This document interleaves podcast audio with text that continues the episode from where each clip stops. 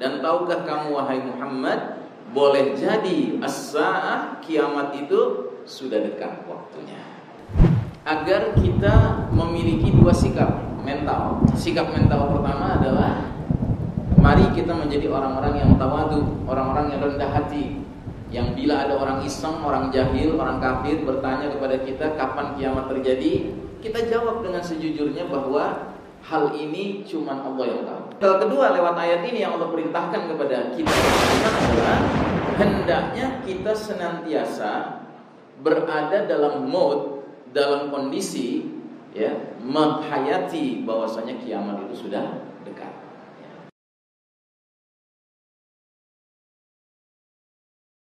Bismillahirrahmanirrahim. Assalamualaikum warahmatullahi وبركاته.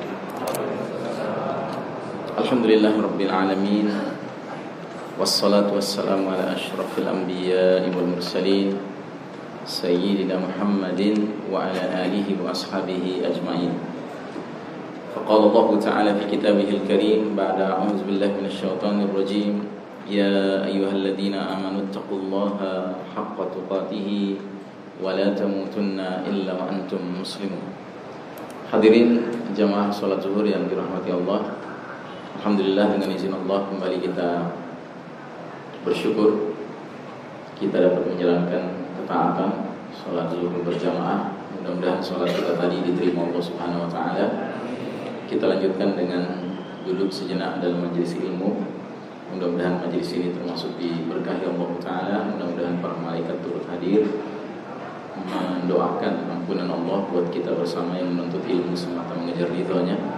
Salawat salam sejahtera kita doakan semoga tercurah selalu kepada manusia pilihan Nabiullah Muhammad sallallahu alaihi wasallam, keluarganya, sahabatnya dan para pengikutnya yang setia hingga akhir zaman dan semoga kita termasuk umatnya yang dirahmati Allah taala ya alamin. Saudara sekalian rahimakumullah, tema kita adalah pengantar kajian akhir zaman. Kita akan mengawali pembahasan ini dengan mencoba melontarkan beberapa pertanyaan. Pertanyaan ini tertuju kepada kita masing-masing dan kita akan berusaha menjawabnya. Ada tiga pertanyaan. Yang pertama, kenapa saya perlu membicarakan soal akhir zaman atau soal kiamat? Dua, siapakah diri saya? Dan tiga, apa hubungan saya menjadi seorang muslim dengan urusan kiamat. Dan sebelum kita menjawab pertanyaan-pertanyaan ini, mari kita simak sebuah ayat yang sangat relevan dengan tema kita, yaitu surat Al-Ahzab ayat 63. Di dalam ayat ini Allah Subhanahu wa taala berfirman, "Ba'da a'udzu billahi minasyaitonir rajim, yas'alukan nasu 'anis sa'ah." Manusia bertanya kepadamu kepada Nabi Muhammad wasallam tentang as-saah, tentang kiamat. Manusia yang dimaksud di sini adalah kaum Quraisy, kaumnya Nabi Muhammad wasallam. Dan kita tahu sewaktu Nabi berdakwah di Mekah, kaum Quraisy ini sedang tenggelam dalam zulumatil jahiliyah, kegelapan jahiliyah dan dola atau syirik, kesesatan syirik. Jadi mereka kafir dan mereka tidak percaya akan adanya hari akhir, termasuk kiamat. Sehingga apa yang Allah abadikan di dalam ayat ini, mereka bertanya kepada Nabi Muhammad SAW tentang kiamat. Ini bukanlah sebuah pertanyaan yang bertolak dari kejujuran ingin mendapatkan pengetahuan, ingin mendapatkan kebenaran. Tidak. Ini pertanyaan justru sudah bertolak dari pengingkaran. Yang berarti ini pertanyaan ejekan, ya, olok-olok. Jadi kira-kira mereka mengutarakan, Hai Muhammad, kalau memang benar akan terjadi kiamat, kapan?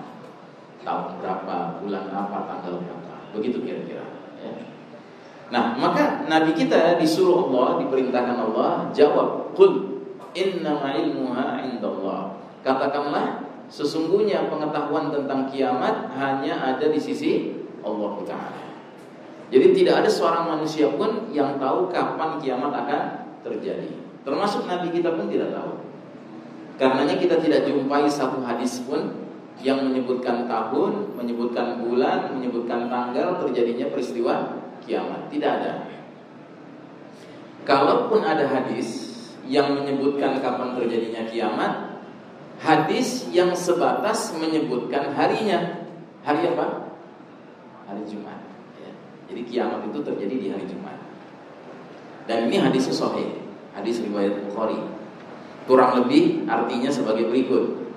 Kata Nabi kita SAW Tidak ada hari di mana matahari bersinar lebih baik daripada hari Jumat Pada hari itulah Allah menciptakan Adam alaihissalam Pada hari itulah Allah memasukkan Adam ke dalam jannah Pada hari itulah Allah keluarkan Adam dari jannah Meletakkannya di di muka bumi kita ini Dunia yang fana ini Pada hari itulah Allah menerima taubatnya Adam pada hari itulah Allah memasukkan Adam kembali ke dalam jannah dan pada hari itulah kiamat tegak atau berlangsung. Ya. Nah jadi ini satu-satunya hadis yang meriwayatkan tentang kapan terjadinya peristiwa kiamat, tetapi sebatas harinya hari Jumat. Tapi Jumat yang mana? Innama ilmuha indallah. Pengetahuan tentang hal itu cuma ada di sisi Allah Taala. Ya, rahasia sepenuhnya milik Allah Taala.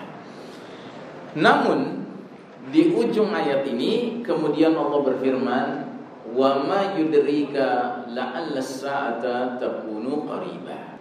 Jadi bukan sikap mental orang beriman untuk menanamkan ke dalam dirinya bahwa kiamat itu masih masih jauh. Ingat, ayat ini turun dua minggu yang lalu, dua pekan yang lalu, dua bulan yang lalu, dua tahun yang lalu, dua puluh tahun yang lalu, dua ratus tahun yang lalu, apa seribu lima ratus tahun yang lalu. Sudah lama sekali ayat ini turun.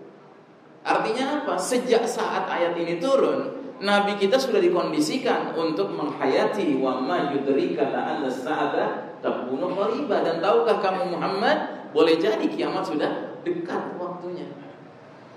Makanya di kalangan para sahabat mereka itu sangat serius mengamati peristiwa-peristiwa yang langsung dia kaitkan dengan informasi Nabi mengenai alamatus sa'ah, tanda-tanda sudah dekatnya kiamat. Contoh, suatu hari seorang sahabat keluar rumah. Tiba-tiba di kejauhan dia lihat ada asap membumbung. Asap itu bahasa Arabnya duhon. Apa yang dikerjakan sahabat ini? Dia keliling ke tetangga-tetangganya, dia gedor pintu-pintu mereka seraya berteriak-teriak, ad-duhan, ad-duhan, asap, asap, asap. Keluarlah tetangga-tetangganya mengelilingi sahabat ini dan bertanya, ada apa? Dia tunjuk ke arah asap di kejauhan dia teriak lagi, "Ad-dukhan," katanya. Mereka masih bertanya, "Ada apa dengan asap itu?" Maka sahabat ini yang balik bertanya kepada mereka. Lah tidakkah kalian ingat di antara keterangan Nabi mengenai alamat sa'ah, tanda-tanda sudah dekatnya kiamat apabila sudah muncul ad-duhan, asap. Masya Allah ya. Itu 15 abad yang lalu Pak Sahabat masih hidup bersama Nabi sudah sedemikian rupa menghayati kalau kiamat sudah sudah dekat. Ada lagi riwayat setelah Nabi wafat. Nabi sudah wafat, banyak sahabat sudah wafat, tapi masih ada sahabat-sahabat tertentu yang masih hidup. Generasi tabiin sudah mulai banyak. Ya, tabiin itu generasi yang ketemu sahabat tapi nggak ketemu Nabi. Ya. Dan pada suatu hari kota Madinah diselimuti awan tebal, gelap gulita. Ya. Maka seorang tabi'in berlari ke rumahnya Abdullah bin Mas'ud radhiyallahu anhu seorang sahabat, sahabat senior ya. Kemudian dia bertanya, "Wahai Abdullah, apakah peristiwa seperti yang kita alami hari ini pernah terjadi di zaman Nabi?" Maka kata Abdullah bin Mas'ud, "Pernah." Ya. Dan aku masih ingat hari itu. Ya.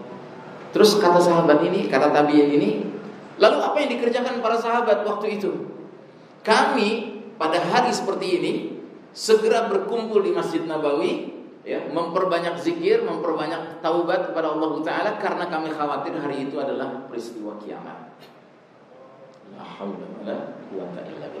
Ya. Jadi saudara rahimakumullah, para sahabat itu serius sekali mengkaitkan apa yang mereka saksikan peristiwa-peristiwa dengan keterangan-keterangan Nabi mengenai alamatus saat. Nah, kita yang hidup sekarang berarti sepantasnya lebih serius, lebih santai. Hmm? Lebih serius, lebih santai. Lebih serius lah. Kenapa? Karena jarum jam berputar ke depan, tidak ada ceritanya jarum jam berputar ke belakang, nggak ada ceritanya kiamat makin jauh, dia pasti makin dekat. Jadi seharusnya kita ini lebih serius lagi. Ya. Baik, mari kita coba mengajukan dan menjawab pertanyaan tadi. Yang pertama, kenapa saya perlu membicarakan soal kiamat? Tahukah kita bahwa beriman kepada hari akhir atau kiamat merupakan bahagian dari inti akidah dinul Islam? Ya, sebagaimana kita ketahui, rukun iman di dalam ajaran kita ada berapa? Ada enam ya. Iman kepada Allah, para malaikatnya, kitab-kitabnya, rasul-rasulnya, hari akhir dan apa? Dan takdir, ya. khairihi wa syarrihi. Baik takdir yang menyenangkan maupun takdir yang tidak menyenangkan. Ada enam rukun iman. Tetapi di dalam Al-Quran maupun hadis, redaksi yang sering menggandengkan urusan iman ini dari rukun iman yang enam ini itu dua al iman billah iman kepada Allah dan al iman bil yaumil akhir iman kepada hari hari akhir jadi dari enam poin rukun iman yang sangat sering kita jumpai dalam Quran maupun Sunnah digandengkan bersamaan penyebutannya itu adalah iman kepada Allah dan hari hari akhir. Mari kita lihat contohnya. Surat Al-Baqarah ayat 8. Wa minan nasi may yaqulu amanna billahi wa bil yawmil akhir wa ma hum bimumin. Di antara manusia ada yang mengatakan kami beriman kepada Allah dan hari akhir. Padahal mereka itu sesungguhnya bukan orang-orang beriman. Ini ayat di mukaddimah surat Al-Baqarah. Ini ayat sedang membicarakan rangkaian ciri-ciri al-munafiqun. Ya. Orang-orang munafik itu orang-orang yang izharul iman wa kufur menampilkan keimanan, mengucapkan kalimat-kalimat keimanan tapi di dalam batinnya menyembunyikan kekufuran. Nah, jadi mereka mengatakan kami beriman pada Allah dan hari hari akhir. Padahal mereka bukan orang beriman. Dalam surat At-Talaq ayat 2 juga demikian. Dzalikum yu'azu bihi man kana yu'minu billahi wal yawmil akhir wa man yattaqillaha yaj'al lahu makhraja. Demikianlah diberi pengajaran dengan itu orang yang beriman kepada Allah dan hari akhir. Barang siapa bertakwa kepada Allah, niscaya Allah akan adakan baginya jalan jalan keluar. Nah, redaksi seperti ini dalam Al-Qur'an masih ada beberapa lagi. Tapi yang jelas sering kita temukan dua hal ini iman pada Allah pada hari akhir digandengkan bersama. Ya. Dalam hadis juga demikian. Bahkan dalam satu hadis tiga kali diulang-ulang sama Nabi. Man kana yu'minu billahi wal yawmil akhir falyukrim jarahu. Barang siapa beriman kepada Allah dan hari akhir, hendaklah menghormati tetangganya. Ya, hati-hati.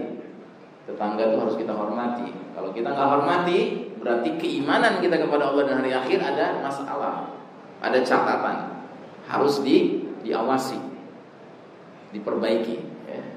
Yang kedua kata Nabi, "Wa man kana yu'minu billahi wal yawmil akhir falyakul khairan aw liyasmut." Barang siapa iman pada Allah dan hari akhir, hendaklah bicara yang baik atau atau diam. Ini juga termasuk ciri iman pada Allah dan hari hari akhir. Ya. Kalau zaman sekarang, barang siapa iman pada Allah dan hari akhir, hendaklah ya menyebarkan yang baik atau nggak disebarin, kan gitu. Ya.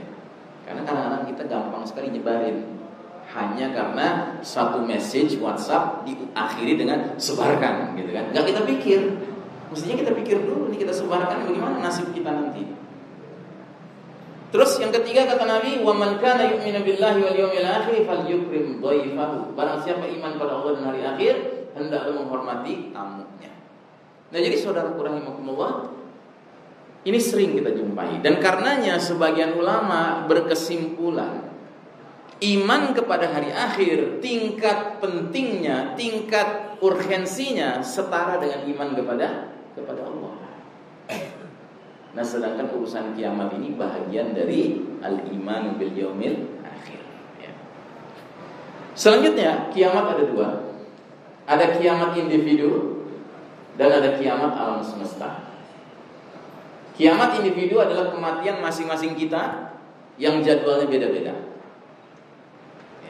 Kita tidak tahu kapannya, kita tidak tahu di mananya.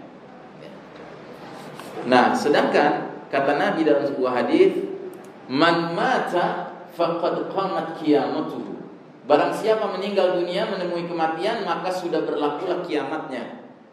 Ya, jadi masing-masing kita ini kiamatnya ketika kita menemui kematian. Sedangkan kematian yang satu lagi ada kiamat yang satu lagi adalah kiamat alam semesta, yaitu kiamat berakhirnya dunia yang fana ini atas kehendak dan rahasia jadwalnya di sisi Allah semata. Nah, dua-duanya ini seharusnya kita perhatikan. Kita jangan hanya memperhatikan kiamat diri kita saja tanpa memperdulikan kiamat alam semesta atau sebaliknya juga nggak benar. Dua-duanya sama pentingnya. Perjalanan Bani Adam bukan serta merta begitu Allah menciptakan dunia di awal waktunya tiba-tiba hadir manusia tidak. Allah mengatakan dalam Al-Quran bahwa Allah menciptakan alam raya ini fi sittati ayam dalam enam hari.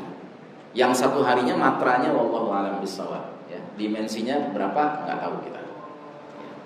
Karena dalam Al-Quran ada yang menyebutkan dimensi satu hari di sisi Allah seperti seribu tahun kita tapi ada juga dimensi satu hari di sisi Allah lima puluh ribu tahunnya kita. Ya Allah alam besar kepastiannya. Nah yang jelas setelah alam ini tersedia kemudian Allah menyampaikan sebuah rencana besar di hadapan ahlus sama di hadapan penghuni langit yaitu para malaikat. Kata Allah, "Inni ja'ilun fil ardi khalifah." Sungguh aku ingin menjadikan di muka bumi itu khalifah. Khalifah itu artinya apa? Wakil. Jadi kita ini manusia ini khalifatullah fil ard. Kita ini wakil Allah di muka di muka bumi. Makanya wakil yang baik adalah wakil yang benar-benar menghargai amanah dari ketuanya. Dari yang mewakilkan urusan pada dia. Dan karenanya khilafah, khalifah itu cuma ada dua kemungkinannya. Kalau nggak khalifah yang amanah, khalifah yang yang apa lawannya amanah? Khianat, ya. Nggak ada kemungkinan ketiga nggak ada khalifah yang amanah kekhianat-khianatan gitu. Nggak ada khalifah yang khianat yang amanah, nggak ada. Kalau nggak khalifah yang amanah, khalifah yang khianat. Nah, jadi saudara rahimakumullah, tetapi Allah Ta'ala di dalam menempatkan khalifah di muka bumi ini Itu menciptakan sebuah kisah ya. Kisahnya adalah Sebelum diletakkan di al-ard ini Di muka bumi ini Adam alaihissalam setelah diciptakan oleh Allah dilengkapi dengan ruh ditiupkan ruh ke dalamnya hidup dia. Allah kemudian tempatkan di suatu tempat namanya jannah. Yang mana jannah ini di kalangan para ulama ada dua pendapat.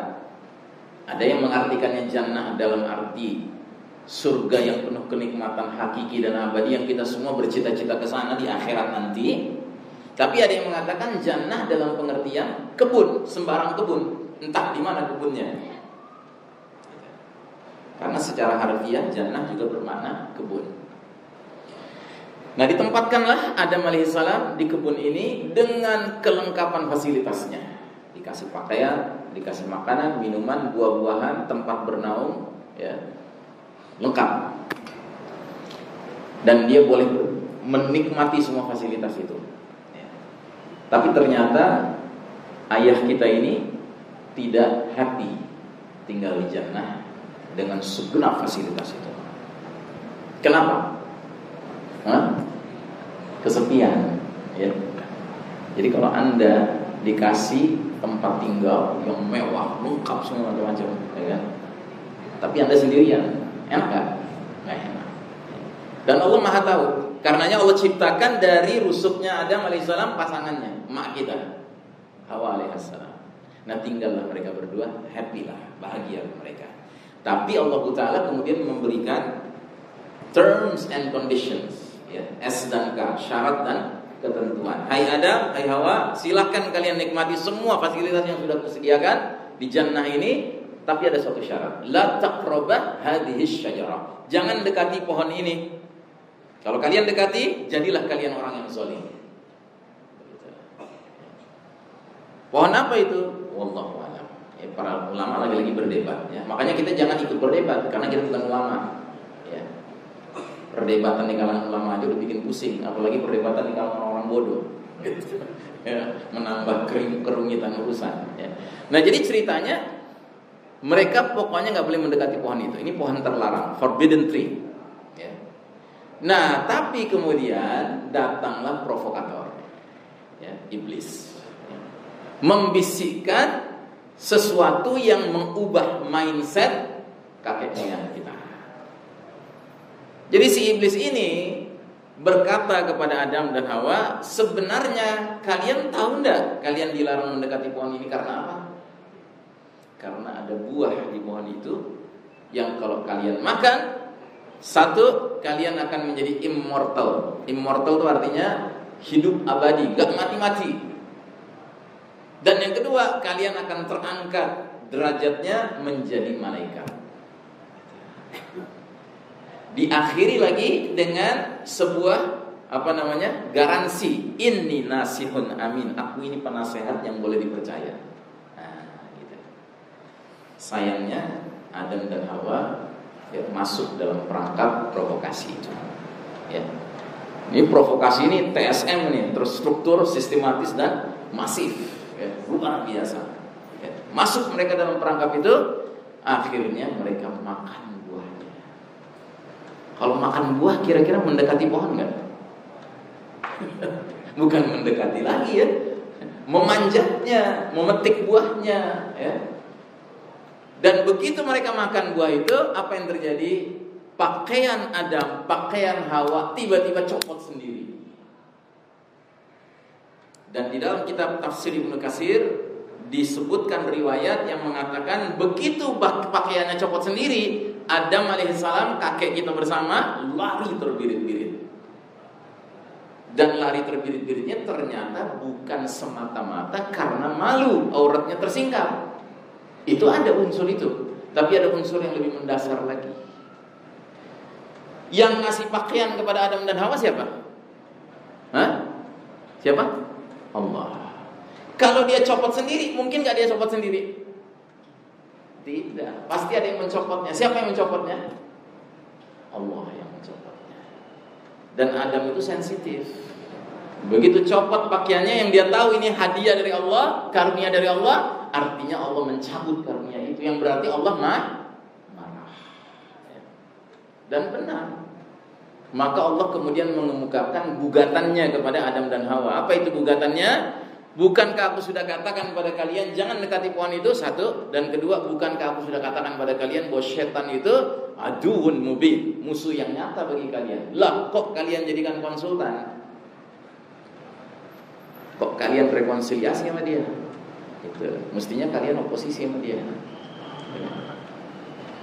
Kok kalian malah kooperasi dengan dia, koordinasi dengan dia? ya, musuh itu harus kita jauhi. Akhirnya keluarlah dekrit Allah, ihbito jami'an wa'dukum li Keluarlah kalian berdua, Adam dan Hawa diletakkan fil art di muka bumi ini yang sudah jadi bahasa Inggris juga earth, ya earth itu dari art, ya muka bumi ini, ya. Ba'dukum li ba'din adu. Sebagian kalian Bani Adam bakal jadi musuh bagi sebagian Bani Adam lainnya. Jadi ini dekrit dari Allah Taala. Maka kalau anda hidup di dunia ini pinginnya harmoni dengan semua orang, mimpi anda. Nggak mungkin. Harmoni itu baru ada nanti kalau di surga. Di surga itu semua penghuninya, hatinya itu seperti satu hati. Gak ada dendam, nggak ada kesel, nggak ada gedek, nggak ada sebel, nggak ada iri, nggak ada hasad. Ya. Tapi kalau di dunia ini itu pasti ada yang namanya permusuhan. Cuma masalahnya begini, tidak semua kita mengerti hakikat permusuhan itu. Sebab hakikat permusuhan yang sebenar-benarnya adalah permusuhan antara mereka yang mengambil tabiat baiknya ada dengan mereka yang mengambil tabiat buruknya iblis. Itu sebenarnya hakikat permusuhan. Jadi kalau kita bermusuhan dengan mereka-mereka yang sudah jelas loyalnya sama iblis, pantas. Tapi kalau kita bermusuhan dengan orang lain semata-mata karena urusan receh-receh, cabang-cabang, ranting-ranting, itu namanya kita masuk dalam perangkap setan. Bermusuhan dengan sesama saudara sendiri. Ya, hati-hati. Nah, jadi saudara rahimakumullah diletakkan Adam sambil di samping itu Allah juga mengatakan kepada Adam alaihissalam, nanti dalam perjalanan Bani Adam anak keturunan kamu, aku dari negeri ke negeri, dari zaman ke zaman, dari waktu ke waktu akan mendatangkan petunjuk kata Allah. Barang siapa yang mengikuti petunjuk itu, dia akan selamat. Dan barang siapa yang tidak mau mengikutinya, mengingkarinya, celaka dia. Sesat di dunia, celaka di akhirat. Nah, petunjuk ini bagaimana caranya Allah menyampaikannya kepada umat manusia Bani Adam? Lewat apa? Lewat siapa? Hah? Lewat siapa? Lewat kurir-kurir Allah namanya apa? Al-Anbiya wal Mursalin. Para nabi dan para para rasul. Jumlah mereka sangat banyak. Di dalam literatur kita, para ulama kita telah menyepakati jumlah para nabi itu 124 ribu. Banyak sekali. Yang diperkenalkan nama-namanya kepada kita di dalam kitab Allah Al-Quran hanya berapa? Hanya 25. Tidak banyak. Jadi pengetahuan kita tentang kenabian, tentang kerasulan itu sebenarnya sangat terbatas sekali. 124 ribu cuman 25 yang diberitahu kepada kita. Dan dari 25 itu ada lima yang mendapatkan julukan spesial. Julukannya ulul azmi. Nabi Nuh alaihissalam, Nabi Ibrahim alaihissalam, Nabi Musa alaihissalam, Nabi Isa alaihissalam dan Nabi Muhammad sallallahu alaihi wasallam. Mereka ini ulul azmi. Apa artinya ulul azmi? Artinya orang-orang yang memiliki azam yang kuat. Karena kelima nabi-nabi ini kisahnya itu sangat dahsyat menghadapi ujian-ujian hidup. Tapi mereka azamnya, tekadnya mantap. Nah, Adam alaihissalam menurut para ahli tarikh, ahli sejarah dihadirkan ke dunia ini kira-kira 6000 tahun sebelum Masehi, 5872 tahun sebelum Masehi. Sebelum Masehi itu artinya sebelum zamannya Isa alaihissalam. Ya. Terus datanglah nabi demi nabi demi nabi demi nabi sampai datang Nabi Musa alaihissalam kira-kira 1500 tahun sebelum Masehi. Namun Nabi Musa alaihissalam adalah nabiullah yang sebenarnya dibatasi pangsa pasar dakwahnya. Siapa itu? Bani Israel. Ya. Dan Bani Israel adalah kaum di tengah umat manusia yang asalnya awal mulanya faddaltukum 'alal alamin. Kami muliakan kalian, kami utamakan kalian di atas segenap bangsa-bangsa lain. Karenanya Bani Israel adalah kaum yang terbanyak diutus Nabi oleh Allah Taala. Cuman celakanya Bani Israel ini bengal. Ya. Hampir semua nabi yang diutus kepada mereka mereka dustakan. Hampir semua nabi yang diutus kepada mereka mereka bunuh bahkan. Sampai datang nabi terakhir dari Bani Israel namanya Isa alaihissalam. Jadi Nabi Isa alaihissalam itu nabi untuk Bani Israel yang terakhir. Dia pun termasuk didustakan dan diupayakan untuk dibunuh. Dan kita tidak percaya kalau dia mati dibunuh, apalagi di tiang salib. Ya. Karena Allah yang menjelaskan kepada kita, ma salabuhu wa ma qataluhu walakin syubbihalahu. Mereka sekali-kali tidak menyalibnya, tidak membunuhnya, tapi yang mereka salib dan bunuh seorang laki-laki yang diserupakan wajahnya dengan Isa alaihissalam. Lalu ke mana Isa alaihissalam? Barrafa'ahullahu ilaihi. Bahkan sebenarnya yang terjadi Isa itu diangkat Allah ke sisi ke sisi Allah Taala. Ya, seperti Nabi kita berangkat Isra Mi'raj. Bedanya durasinya. Nabi kita durasinya cuma semalam. Berangkat Isra Mi'raj, berangkat habis Isya, pulang sebelum subuh. Sedangkan Isa alaihissalam berangkat sekian ribu tahun yang lalu sampai sekarang belum turun lagi, tapi akan turun nanti. Nah, jadi saudara rahimakumullah, setelah Isa alaihissalam diangkat oleh Allah ke langit, ternyata ajaran Isa alaihissalam mengalami pembiasan, ya, penyimpangan. Ya. Dan yang menyimpangkannya siapa? Seorang tokoh Yahudi namanya Paulus. Dia kemudian membuat merekayasa sebuah ajaran sesat, ya, bertentangan dengan tauhid, namanya Trinitas. Ya. Three in one, one in three. Satu dalam tiga, tiga dalam dalam satu. Makanya orang-orang Nasrani itu sering kali mereka kalau berdebat tentang Trinitas, ya kan, itu bisa berubah-ubah. Kadang-kadang menyebut Isa alaihissalam, Yesus Kristus itu Tuhan, kadang-kadang anak Tuhan. Gitu. Nggak jelas. Ya. Karena memang ini ajaran bid'ah kubro, ya, bid'ah besar ini di kalangan orang-orang Nasrani. Bahkan lebih jauh daripada itu, si Paulus ini membuat ajaran Isa alaihissalam ini menjadi ajaran yang tidak saja buat Bani Israel, tapi untuk bangsa-bangsa lain juga. Lain halnya dengan Yahudi. Yahudi mah sebatas Bani Israel saja. Yahudi itu satu-satunya agama ya yang tidak mungkin orang beragama Yahudi kecuali kalau darahnya juga darah Bani Israel. Jadi model anda anda ini kita kita ini nggak punya darah Bani Israel, jangan coba-coba jadi Yahudi. Paling mentok anda jadi Yahudi KW. Yahudi ori itu syaratnya apa? Berdarah Bani Israel. Ya. Nah kalau Nasrani enggak, Nasrani sudah disimpangkan menjadi ajaran keluar dari Bani Israel. Makanya sampai ke Indonesia ada orang-orang Kristen kan, orang Nasrani ada kan di Indonesia, termasuk yang bawa anjing ke dalam masjid, ya kan? domba sesatku yang perlu kita luruskan. Kurang ajar bawa, anjing ke dalam dalam masjid. Nah, jadi saudara rahimakumullah, setelah Isa alaihissalam datanglah Nabi Muhammad SAW kira-kira 600 tahun setelah Isa alaihissalam. Dan Nabi Muhammad SAW diabadikan dalam surat Al-Ahzab dengan julukan Khataman Nabiyyin, penutup rangkaian para nabi. Dengan kata lain, nabi kita inilah nabi ke-124 ribu. He is the last of the prophets. Ya. Dia adalah nabi yang terakhir. Dan karenanya nabi kita sering dijuluki nabi akhir zaman. Apa maknanya Nabi akhir zaman? Maknanya adalah semenjak Nabi kita hadir ke dunia ini, maka perjalanan dunia memasuki era akhir zaman. Ya. Kita masuk ke era akhir zaman. Dan karenanya kita umat Muhammad SAW dijuluki umat akhir akhir zaman. Apa maknanya? Maknanya we are the last of mankind. Kita ini ujung terakhir perjalanan umat manusia. Sesudah kita ada lagi umat manusia.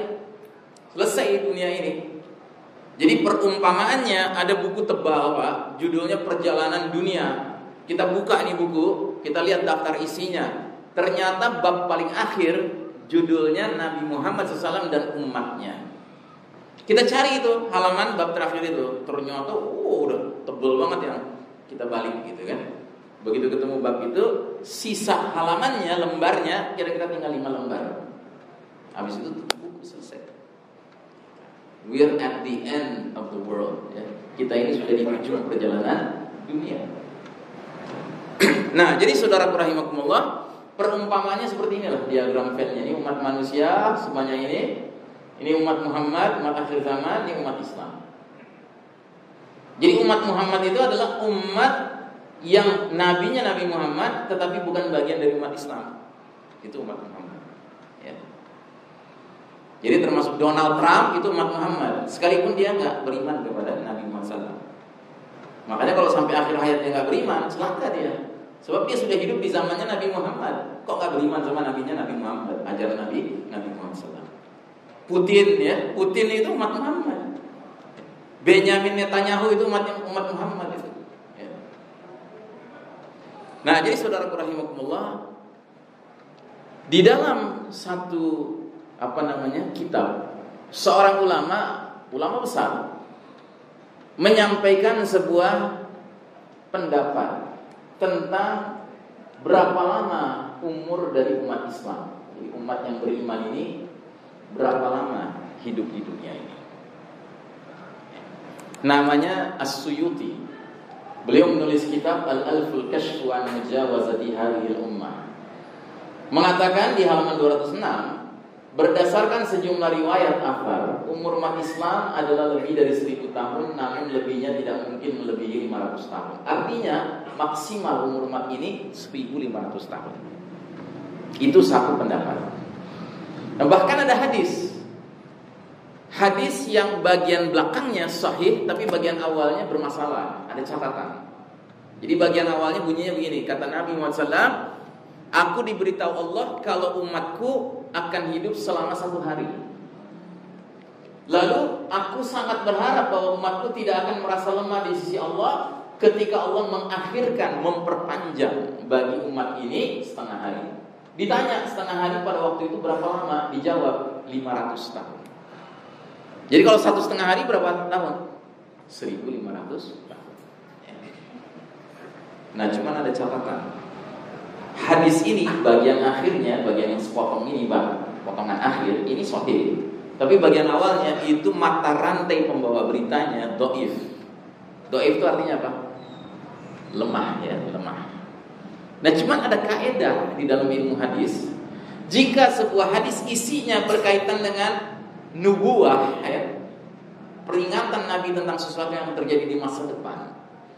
Jika nanti terbukti benar, maka kedoifan hadis itu hilang. Ngerti? Ya. Nah, lalu gimana kita mensikapi hadis seperti ini? Kita mensikapinya sebagai wawasan pengetahuan. Jangan kita imani sepenuhnya karena ada catatan doif. Tapi jangan kita ingkari sepenuhnya karena khawatir kedoifannya nanti hilang kalau ternyata terbukti benar. Nah, jadi kita asumsikan saja 1500 tahun itu batas akhir umur umat Islam. Ingat, umur umat Islam itu diakhiri dengan peristiwa apa? Kiamat? Tidak. Bukan kiamat apa? Angin, ya.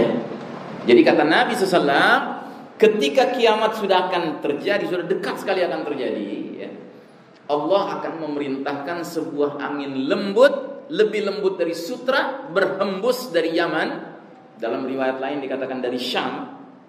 Dan angin ini aromanya wangi seperti misik, seperti kesturi. Angin ini akan berhembus dan mencari orang-orang beriman.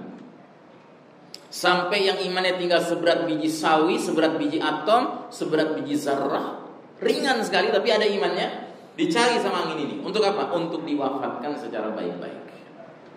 Setelah semuanya wafat kata Nabi, maka yang tersisa yang tinggal di muka bumi yang masih hidup adalah syirarin nas. Manusia-manusia yang paling buruk, paling jahat, orang kafir 24 karat.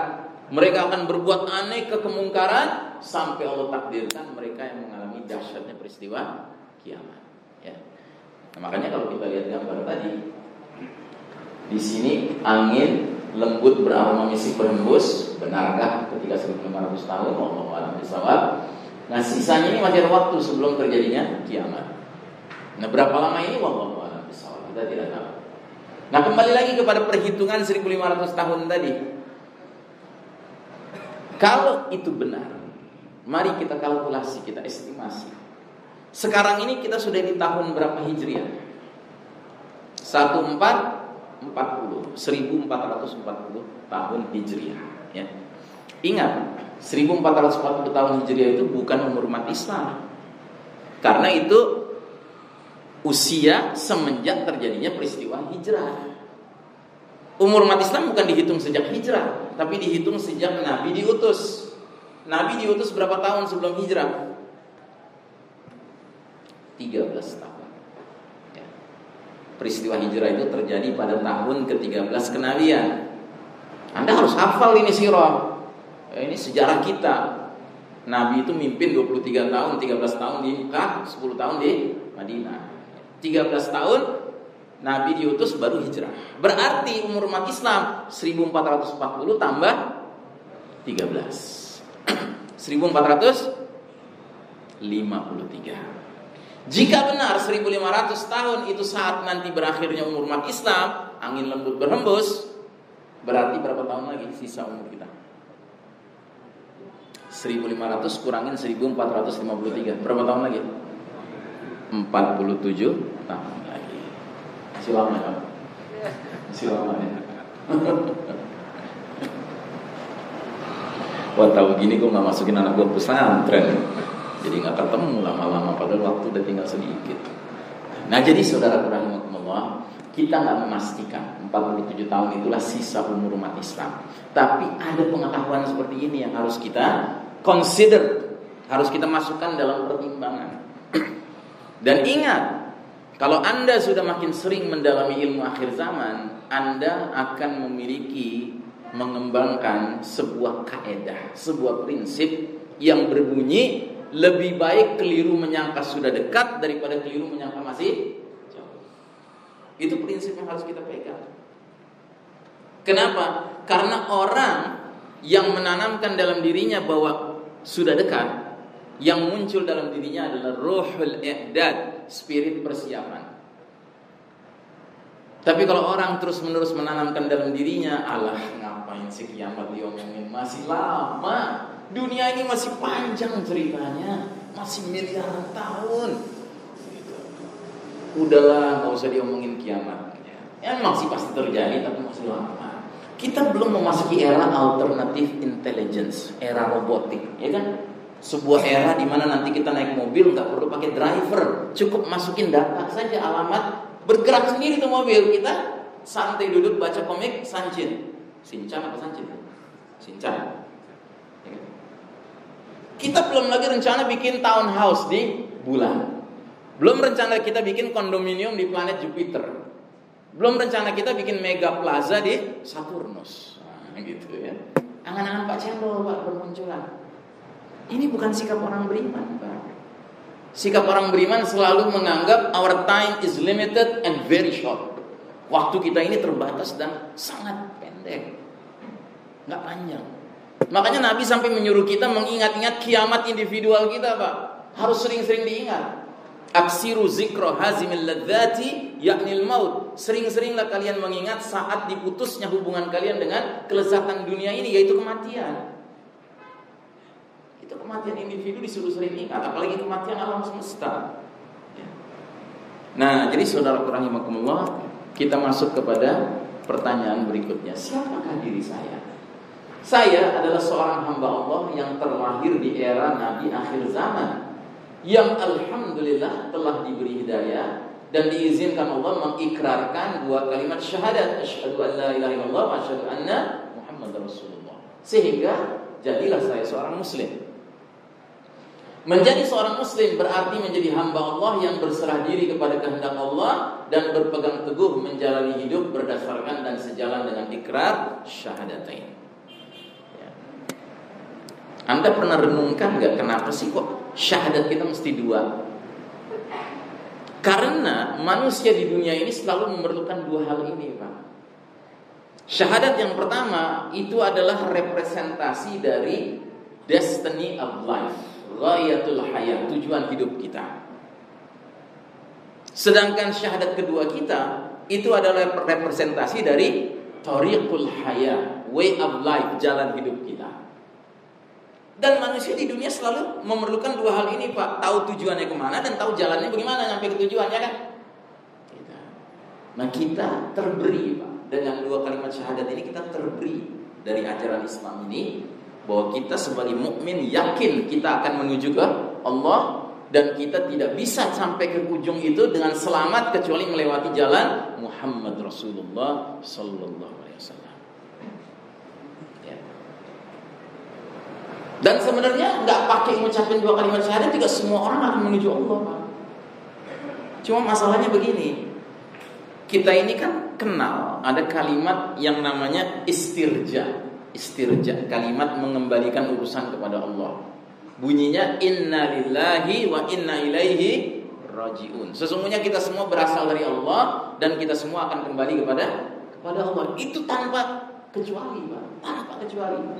Mau muslim mau munafik mau musyrik mau kafir mau ahli kitab Yahudi Nasrani semua akan menuju Allah cuma ada perbedaan antara yang beriman dengan yang tidak beriman yang beriman dia menuju Allah, ketemu Allah disambut dengan rahmat Allah, kasih sayang Allah, senyuman Allah, keridhaan Allah. Sementara mereka-mereka yang tidak beriman, dia kembali ke Allah disambut dengan apa? Dengan suhtullah, kemurkaan Allah. Dengan azab Allah, dengan kepedihan, kepahitan, kesengsaraan yang hakiki dan abadi na'udzubillah min Nah, jadi apa hubungan saya menjadi seorang muslim dengan urusan kiamat? Sebagai seorang muslim berarti saya merupakan bahagian dari umat Islam yang merupakan umat akhir zaman. Dan umat akhir zaman inilah yang terdekat jaraknya dengan peristiwa kiamat. Ya. Jadi kembali ke gambar tadi, kita ini semenjak Nabi diutus kita menjadi umat bagian dari umat akhir zaman berarti kita ini terdekat dengan peristiwa kiamat umat nabinya Adam, umat nabinya Nuh, umat nabinya Ibrahim, umat nabinya Musa, Nabi Isa itu masih jauh dari kiamat. Kita sudah dekat dengan kiamat. Ya. Yang karenanya Nabi sampai mengatakan dalam hadis beliau, "Bu'istu ana wasa'atu kahatain." Aku diutus dengan datangnya peristiwa kiamat laksana dua jariku ini. Dan Nabi tempelkan satu sama lain, Pak. Bukan direnggangkan, ditempelkan. Dalam hadis yang lain lagi Hudzaifah radhiyallahu an meriwayatkan Rasulullah berdiri di tengah-tengah kami para sahabat, beliau beritahu kepada kami apa saja yang terjadi hingga hari kiamat sehingga tidak satu pun peristiwa yang tidak disebutkan olehnya. Yang menghafalnya hafal dan yang melupakannya lupa. Para sahabatku mengetahui semua hal itu dengan jelas. Hanya saja ada beberapa perkara yang aku nggak hafal, aku telah lupa. Ya, ketika aku melihat kejadian yang sudah Nabi beritakan itu, tiba-tiba aku ingat kembali keterangan Nabi itu. Persis seperti seorang teman karib yang berpisah lama nggak ketemu, begitu kita ketemu lagi kita lihat wajahnya, ingat kita. Begitu. Jadi Nabi itu sudah menyampaikan tanda demi tanda demi tanda yang akan terjadi sampai datangnya kiamat sampai para sahabat itu ketika Nabi sudah wafat melihat tanda-tanda itu kejadian langsung ingat wah ini yang Nabi sudah jelaskan ini yang Nabi jelaskan paham malah dalam riwayat lain itu disebutkan pada suatu subuh Nabi sholat subuh dengan para sahabat. Selesai sholat subuh langsung naik mimbar. Dari mimbar subuh Nabi menyampaikan khutbah sampai zuhur. Terus Nabi turun mimpin sholat subuh selesai sholat zuhur naik mimbar lagi khutbah dari zuhur sampai asar. Nabi turun mimbar lagi mimpin sholat asar. Selesai sholat asar naik mimbar lagi khutbah sampai matahari terbenam maghrib. Kata sahabat yang meriwayatkan hadis ini, sepanjang hari Nabi khutbah itu, Nabi menyampaikan keterangan tentang semua kejadian yang sudah berlalu dan yang akan datang. Kami para sahabat yang bisa menjelaskannya yang paling kuat hafalannya. Nah, jadi saudara rahimakumullah, sekarang apa kata Allah? Kata Allah dalam surat Muhammad ayat 18, "Fahal yanzuruna illa sa'ata an ta'tiyahum balta." Maka apalagi yang mereka tunggu-tunggu selain hari kiamat yang akan datang kepada mereka secara tiba-tiba. Faqad jaa asyratuha. Karena tanda-tandanya sungguh telah datang. Maka apa gunanya bagi mereka kesadaran mereka itu apabila kiamat sudah terlanjur datang? Mau itu artinya kiamat yang universal kan maupun kiamat yang individual? Gitu. Jadi fungsinya kita mempunyai ilmu tentang tanda-tanda kiamat ya kan supaya kita menjadi hamba yang terus-menerus dalam kondisi standby, siap-siap.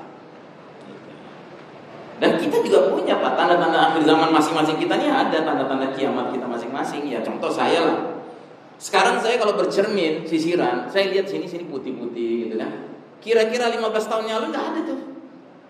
Kalau saya nggak memperhatikan itu, ya saya santai-santai aja gitu ya kan. Senang-senang masih muda, senang-senang gitu ya kan. Tapi dengan itu tanda. Diundang ceramah ke sebuah acara di lantai 5. Eh sampai di situ ternyata gedungnya liftnya macet, terpaksa naik tangga. Ya. Begitu sampai di ruangan ceramah, ngos-ngosan Ya kan? 15 tahun yang lalu gitu. Ini tanda. Tanda ini kiamat udah dekat. Kenalan sama orang, catat nomornya ya kan. Besok ketemu lagi, lupa namanya. Baru ketemu kemarin. 15 tahun yang lalu gitu. Udah pisah 5 tahun juga masih masih ingat namanya. Nah, jadi saudara rahimakumullah, tanda-tanda inilah yang kita umat akhir zaman ini punya kelebihan dibandingkan umat-umat yang Saudara rahimakumullah, sebagaimana tadi diumumkan oleh saudara Nur Fadil, materi kita belum tentu selesai sekali pertemuan. Karenanya saya mohon maaf kita harus akhiri sampai sini. Waktu sudah satu seperempat. Ya, mudah-mudahan lain kali Allah izinkan lagi kita lanjutkan materi pengantar kiamat atau pengantar akhir zaman ini. Ya, kajian akhir zaman ini. Untuk itu mari kita langsung tutup saja dengan doa yang disunnahkan Nabi kita doa kifaratul majlis. Subhanakallahumma wa bihamdika asyhadu an la ilaha illa anta astaghfiruka wa atubu ilaik walhamdulillahi rabbil alamin. Wassalamualaikum warahmatullahi wabarakatuh.